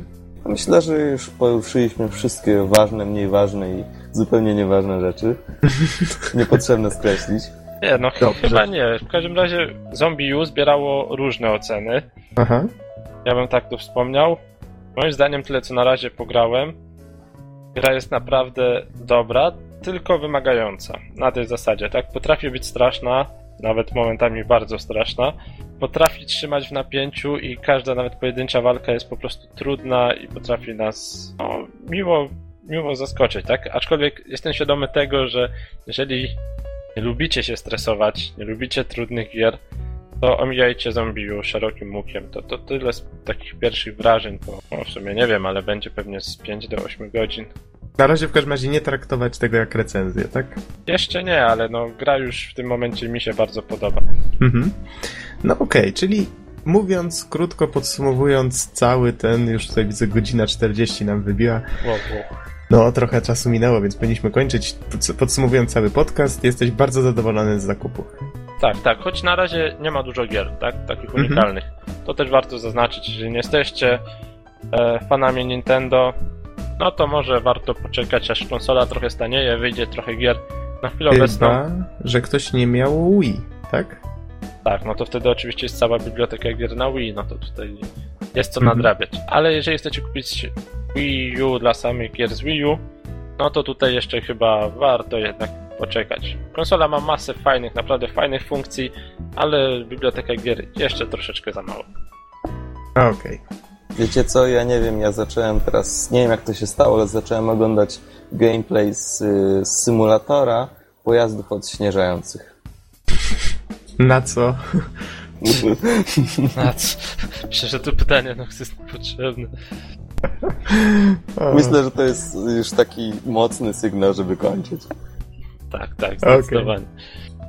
Dobrze, w takim razie, nie wiesz, chciałem się dowiedzieć, czy to jest związane z tematem, bo jak nie na Wii U, no to cóż. Dobra, w takim razie O Boże, tam cały świat z górami jest do odśnieżania. Dobra, kończę. Dobra, to rozumiem, że na następny podcast robisz recenzję. Nigdy w życiu. Dobra, w takim razie kończymy. Dziękujemy Wam bardzo za słuchanie i do usłyszenia w następnym podcaście. Trzymajcie się. Do usłyszenia. Na razie.